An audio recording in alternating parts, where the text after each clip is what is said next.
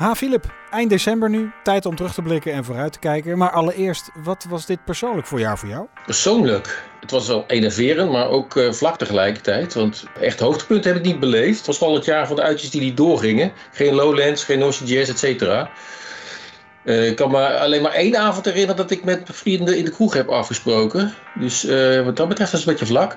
Gelukkig was het wel heel uh, fijn met mijn vriendin thuis. Ja, het was teleurstellend dit jaar, maar ook wel weer vertrouwenwekkend in dat opzicht. Nou, hopelijk is 2022 dan wat spannender. We gaan beginnen. Welkom bij Rentecast, de podcast van Florius, waarin we met Philip Bokkelo, senior econoom bij het economisch bureau van ABN AMRO, de hypotheekrenteverwachtingen doornemen. Stijgen, dalen, korte termijn, lange termijn, historische perspectieven. Alles komt voorbij om jouw klanten van advies te voorzien of om hun vragen te beantwoorden. Laten we eerst eens uh, terugblikken, Filip. Uh, wat, wat, is er allemaal gebeurd in 2021? Tja, wat is er allemaal gebeurd? Als ik even terugkijk, ja, ik, het eerste wat me te binnen schiet is uh, dat het het jaar van het klimaat is geweest. we hebben natuurlijk de overstromingen gehad in Limburg. En dat de klimaatverandering zo dicht bij huis zou komen, dat had ik toch me niet kunnen voorstellen. En uh, natuurlijk ook de Europese Commissie die allerlei uh, maatregelen treft om het klimaat te bestrijden. Dus ik denk het eerste wat me te binnen schiet is het uh, jaar van het klimaat. Waar we natuurlijk niet omheen kunnen is dat het ook het jaar van corona is geweest. Uh, we hadden een hoopvol begin van, begin van het jaar. Maar ja, nu zitten we inmiddels weer in een lockdown. Dus uh, ja, dat is toch wel de belangrijkste gebeurtenissen van het jaar, denk ik. De andere belangrijke gebeurtenis is die van vorige week. Eindelijk een nieuwe regering. Dat heeft heel lang geduurd. het is ook wel een teken dat er enorme versplintering is in de, in de politiek. Ja, de afdruk van het nieuwe kabinet is dat er eigenlijk ja, heel veel geld beschikbaar komt. Uh, dat ja, de maatregelen die getroffen worden, vooral worden vooruitgeschoven naar de toekomst. Dus eigenlijk naar de volgende regering. Ja, en dan hebben we natuurlijk ook nog economisch is er ook van alles gebeurd. Aanvankelijk veerde de economie lekker op. Maar toen kregen we allerlei bevoorradingsproblemen. Een enorme stijging van de energieprijzen. En nu zitten we met een gigantische inflatie. En de vraag is, is dat tijdelijk of niet? Dus ja, er is van alles gebeurd laten we het even op de economie houden. Wat heeft de meeste impact gehad op de economie? Uh, indirect toch wel uh, dat die inflatie zo enorm is opgelopen. Want daardoor zijn, ja, we hebben natuurlijk voortdurend over rentes gehad. Daardoor zijn wel die rentes uh, ook weer een beetje gaan stijgen en toen weer dalen. Maar het is wat dat betreft heel veel onzekerheid rondom die inflatie. En de vraag is natuurlijk, komt er een loonprijsspiraal of niet? Ja, ons antwoord is voor niet. Maar ja, het is niet helemaal zekerheid bij beleggers of die centrale banken nou helemaal grip hebben op die inflatie. En dat is wel iets nieuws. Ik denk dat dat wel het economisch belangrijkste is geweest. Ja, als we nou zeg maar kijken naar vorige crisis. Hè? Als je nou deze crisis vergelijkt daarmee, is dit dan een normale crisis? Eigenlijk kan je daar toch niet van spreken? Ja, als het over crisis gaat, moet ik uh, eigenlijk ook een beetje aan Tolstoy denken. Die zegt van, uh, hoe zegt hij het ook alweer? Alle gelukkige families die uh, lijken op elkaar. Maar alle ongelukkige families die zijn uh, op hun eigen manier ongelukkig. En dat geldt eigenlijk voor crisis ook. Die zijn allemaal toch weer net even anders. Wat heel anders is in deze crisis is dat, ja, normaal gesproken gaan de faillissementen omhoog. Loopt de werkloosheid omhoog op. En uh, is er heel veel stress op financiële markt. En ja, het gekke is dat er tijdens deze crisis daar eigenlijk nauwelijks sprake van is. Dus in die zin is deze crisis wel heel erg uniek. Ja, want hoe heeft de wereld gereageerd op voorgaande pandemieën? Is, is dat te vergelijken? Die zijn natuurlijk uit een ver verleden. Nou, als ik even minder ver terug ga, dan hebben we natuurlijk Zika gehad en SARS en uh, ebola in Afrika. Dat is niet zo ver geleden. Ja, het geluk daar was dat het niet erg oversloeg naar de rest van de wereld. Dus dat is wel een onderscheid. Uh, we hebben in de jaren 50, 60 hebben we de Spaanse griep gehad, of de Aziatische griep. De gezondheidsschade is natuurlijk minder groot dan destijds. Destijds gingen er veel meer mensen dood. De gezondheidszorg was natuurlijk lang niet zo goed. En we hadden ook helemaal geen kennis. Nu hebben we in één keer uh, vaccins. Dat helpt toch wel een klein beetje. En ja, als ik helemaal ver terug ga, terugkijkend naar de pest bijvoorbeeld. Ja, toen zijn er toch echt grote bevolkingsgroepen omgekomen, waardoor er nauwelijks personeel voorhanden was. En daardoor stegen de lonen enorm en werd er ontzettend geïnvesteerd in, in kapitaal. En dat leidde tot een stijging van de arbeidsproductiviteit. Ja, dat zien we op dit moment eigenlijk ook niet terug. Dus ja, al die pandemieën van het verleden, ja, daar kunnen we wel les uit trekken. Maar of ze het van toepassing zijn op het heden, dat, uh, dat waarheid te betwijfelen. Wat je net al zei, van uh, eigenlijk is er dan economisch gezien op dit moment, nou, er is genoeg aan de hand. Maar uh, van, van een crisis is het misschien nog niet eens echt sprake. Hè? Van faillissement is nog niet sprake. Maar dat komt natuurlijk omdat er heel veel maatregelen genomen worden. Hoe kijk jij daar tegenaan? Tegen al die maatregelen en dat dat nu eigenlijk ook al twee jaar bezig is? Dat twee jaar al maatregelen zijn, het twee jaar uh, steun uh, is voor bedrijven. Hoe kijken jullie daar ja. tegenaan? twee jaar geleden dachten we van nou oké, we hebben een pandemie. En toen kwamen die vaccins en toen dachten we nou straks zijn we er vanaf. Dus we moeten eventjes uh, die bedrijven steun blijven verlenen.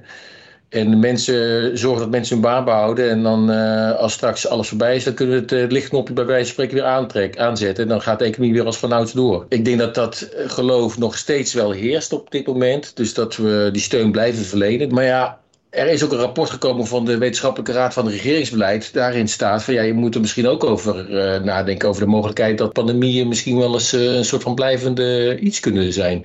Ja, en dan moet je heel ander beleid gaan voeren. Dus ja, uh, laten we hopen dat voor één dat dat de waarheid is. En dat we gewoon met steun de economie overeind kunnen houden. Maar als ze straks in de vierde of vijfde, hoe ze de golf ook komen. Ja, laten we hopen dat dat niet gebeurt. Maar dan, dan zullen we toch misschien ander beleid moeten gaan voeren. Oké, vooruitkijken nu. Uh, jullie hebben als ABN AMRO geprobeerd om in de glazen bol te kijken, hoe moeilijk dat ook is. Wat zijn jullie verwachtingen voor 2022? Nou ja, we denken dat die uh, BBP-groei uh, tijdelijk zal terugvallen door Omicron, door de huidige lockdowns. Ik hoorde net ook dat in Engeland ook overwogen wordt om een lockdown in te voeren. Ja, misschien dat er meer Europese landen zullen volgen. Nou, dat zal de economie eventjes terugzetten. de economie wordt ook teruggezet door de toeleveringsketens die verstoord zijn. Maar ja, we gaan nog vanuit dat die uh, Omicron-variant, dat we die kunnen overwinnen. Straks uh, de boosterprikken erin zitten. En we gaan er ook vanuit dat die verstoringen ook uiteindelijk opgelost zullen worden. Dus we houden het uiteindelijk toch wel op een herstel van de economie uh, op termijn.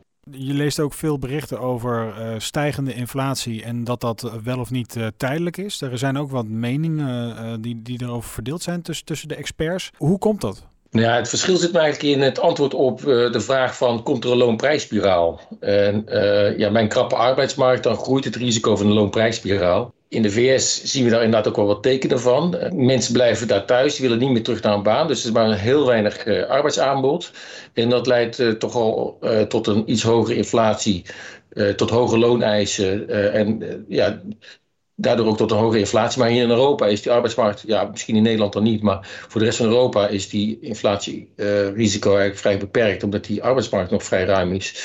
Dus uh, het hangt er een beetje vanaf naar welk land je kijkt en uh, of je gelooft dat die loonprijsspiraal loskomt. En wij gaan ervan uit dat die loonprijsspiraal in Europa niet zo vaart loopt en dat die inflatie wel weer terug in zijn hok zal keren.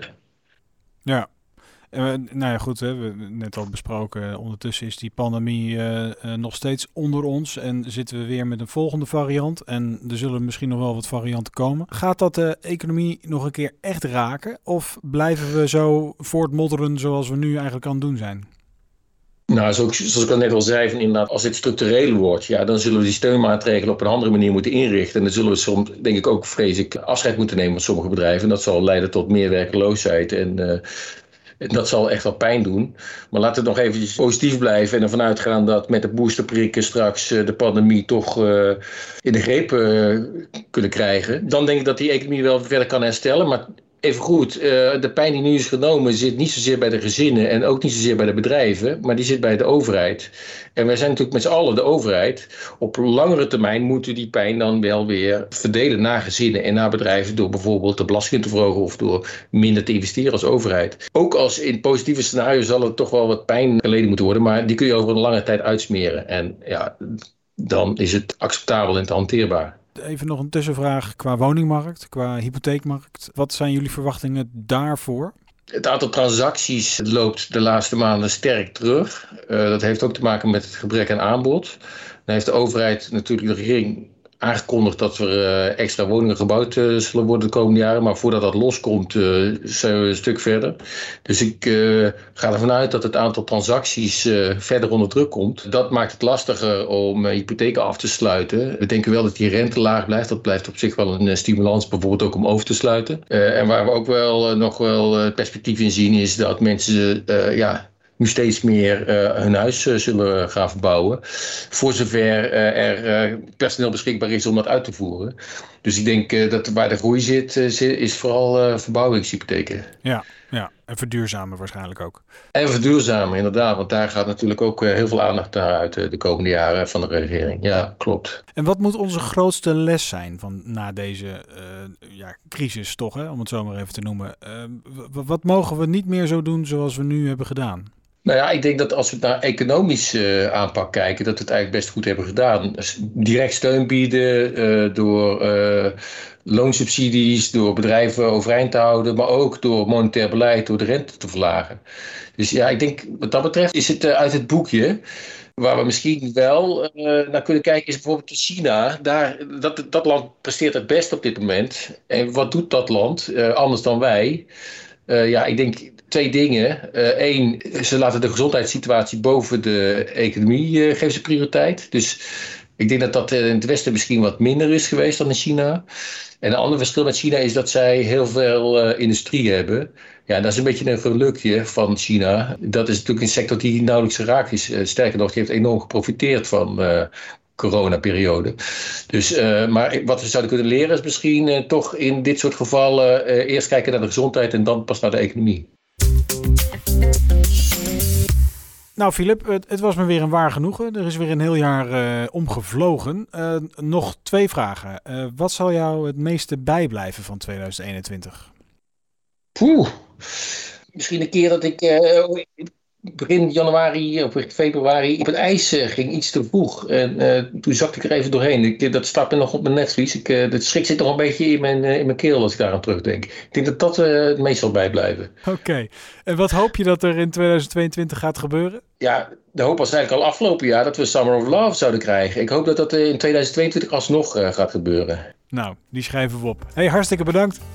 Geen dank. Dit was Rentecast. Meer weten, ga naar florius.nl slash adviseur slash renteverwachting.